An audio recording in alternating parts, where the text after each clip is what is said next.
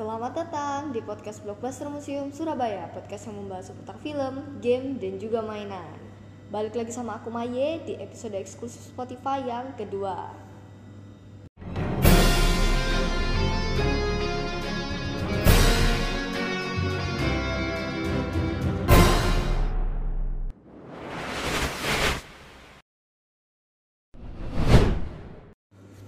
Iya, masih di bulan Februari nih, aku mau bahas profil tentang film Kukira Kau Rumah, film romantis yang ada tema mental health-nya nih. Perlu ditekankan ya nih buat teman-teman pendengar semua nih, kalau ini tuh cuman profil aja, bukan review. Jadi buat kalian yang penasaran filmnya tuh kayak gimana sih? Nah, boleh banget nih temenin aku, dengerin aku sampai akhir. Kita mulai dari profil singkatnya dulu nih tentang filmnya. Film yang diadaptasi dari lagu berjudul Kukira Kau Rumah dari grup musik Amigdala ini adalah film panjang debut nih dari sutradara Umay Syahab. Dan untuk produsernya juga Umay Syahab dan Prilly Latukonsina. Loh, produser sama sutradara bukannya sama ya? Enggak, buat kalian yang nggak tahu nih, sebenarnya sih mirip-mirip ya. Cuman kalau sutradara tuh lebih ke bagian produksi, sementara produser itu lebih menghandle pra produksinya atau sebelum produksinya berlangsung. Nah, penulis dari film ini adalah Monty Tiwa, Umay Sahab, dan Imam Salimi.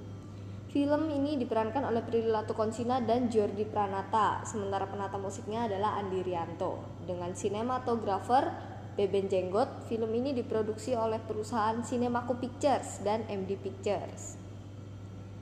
Pada tanggal 8 Agustus 2020, Umar Syahab nge-tweet nih kalau bakal menyutradarai film yang diangkat dari lagu Kukira Rumah dari Amigdala itu. Umay sendiri juga berkonsultasi ke beberapa psikolog dan komunitas bipolar demi menyutradarai dan ikut menulis film ini.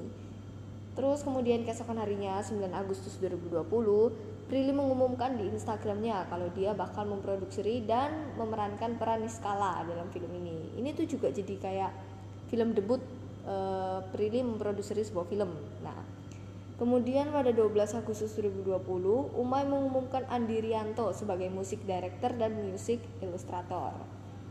Pengambilan gambar utamanya tuh hanya selesai dalam waktu 14 hari, mulai dari 7 Oktober 2020 sampai 20 Oktober 2020. Kukira Kau Rumah akhirnya tayang perdana pada 28 November 2021 di Jogja Net Park Asian Film Festival pada 2021 ya dan gala premiernya diadakan di XX1 Plaza Senayan pada 31 Januari 2022 dihadiri oleh Menteri Pariwisata dan Ekonomi Kreatif Indonesia Sandiaga Uno.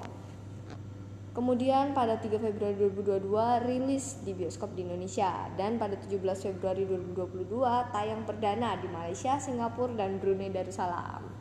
Sekarang kita ke bagian sinopsisnya. Film ini diawali dengan Niskala yang didiagnosis bipolar sejak remaja membuat ayahnya Dedi itu terlalu protektif. Niskala bahkan sampai tidak bisa melanjutkan sekolahnya dan gaulnya tuh cuma sama Dinda sama Octavinus, teman-teman Niskala yang dipercaya oleh Dedi. Namun ketika ayahnya bekerja, Niskala tuh suka diajak kuliah sama Dinda dan Octavinus tanpa sepengetahuan ibunya Mela. Niskala kemudian bertemu dengan Pram yang diperankan oleh Jordi Pranata tadi. Kemudian Pram jatuh cinta nih pada Niskala. Pram sendiri bekerja sebagai pelayan di kafe antologi dan hobi bikin musik akustik. Sayangnya, bosnya tuh nggak yakin kalau nyanyiannya itu cocok untuk kafenya. Pram pun menawarkan bantuan ujian pada Niskala yang ditolak oleh Niska, Niskala.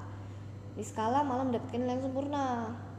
Pram kemudian yang berjanji nih untuk menraktir Niskala di kafe antologi itu akhirnya menraktir Niskala, Dinda dan Octavinus. Di kafe itu, Niskala menantang Pram untuk bernyanyi. Lagu Pram yang punya tema-tema politis membuat orang-orang pergi dari kafe. Namun Niskala menyukai nyanyian Pram. Sejak saat itu, berdua pun semakin dekat. Rekaman nyanyian Pram dan Niskala pun tersebar, semakin terkenal. Bos kafe antologi pun menyediakan slot jadwal live untuk mereka berdua. Dan pada titik ini, Niskala tuh sangat bahagia pada Pram bersama Pram di sisi lain, Mela, ibu Niskala, khawatir karena Niskala semakin jarang di rumah. Mela pun menegur Dinda dan Octavinus. Octavinus pun akhirnya memarahi Niskala karena selalu bersama Pram, bahkan sampai memukul Pram. Dan karena itu, kemarahan Niskala tersulut dan semakin depresi.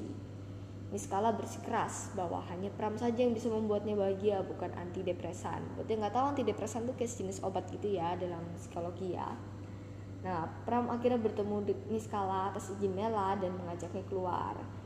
Pram sempat kecewa karena cintanya pada Niskala bukan cinta sempurna seperti yang diharap-harapkannya. Namun Pram tetap bersyukur karena berada di sisi Niskala. Cie.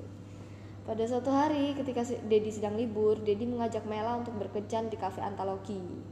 Sialnya bertepatan dengan jadwal live-nya Niskala dan Pram.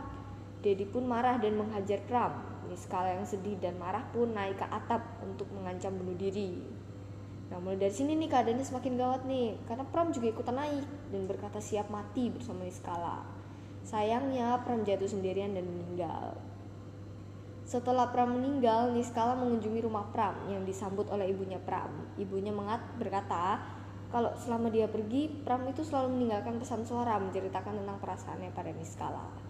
Ketika Niskala mendengarkan pesan yang pertama, dia juga mendengar suara Pram dari belakang. Waduh, terus maksudnya apa ya itu ya? Padahal Pram kan udah meninggal.